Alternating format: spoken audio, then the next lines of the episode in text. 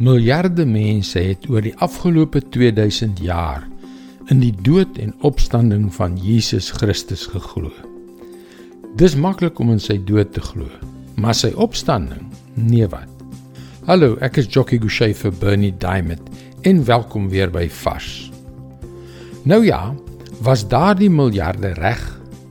Was daardie miljarde mense wat geglo het dat die dood van Jesus vir hulle sondes betaal het en dat hulle deur sy opstanding die gratis gawe van die ewige lewe ontvang het. Korrek? Op die keper beskou kan dit nogal verwarrend klink. Maar hier is die kern. Die dood en opstanding van Jesus is 'n pakket. Jy kan hulle nie skei nie. Jy plaas of jou vertroue in Jesus vir beide of glad nie. En dit is nie net ek wat dit sê nie. Hier is wat Paulus in ongeveer 60 na Christus gesê het in 1 Korintiërs 15 vers 17 tot 19.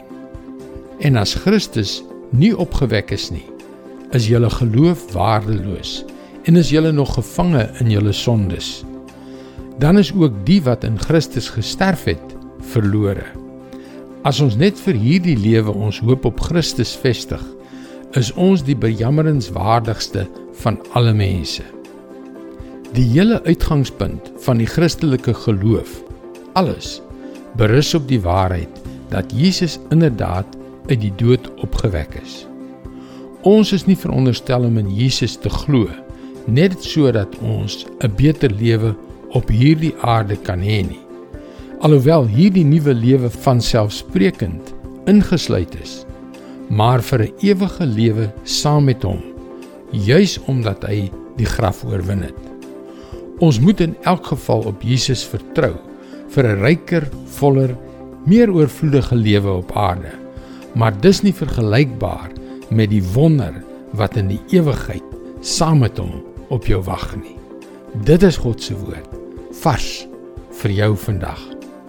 Luister gerus weer môre na die volgende boodskap oor die opstanding van Jesus op Vars. Dis op dieselfde tyd op jou gunstelingstasie. Jy kan ook daagliks boodskappe soos hierdie per e-pos ontvang. Gaan na ons webwerf varsvandag.co.za en teken in. Seënwense en mooi loop.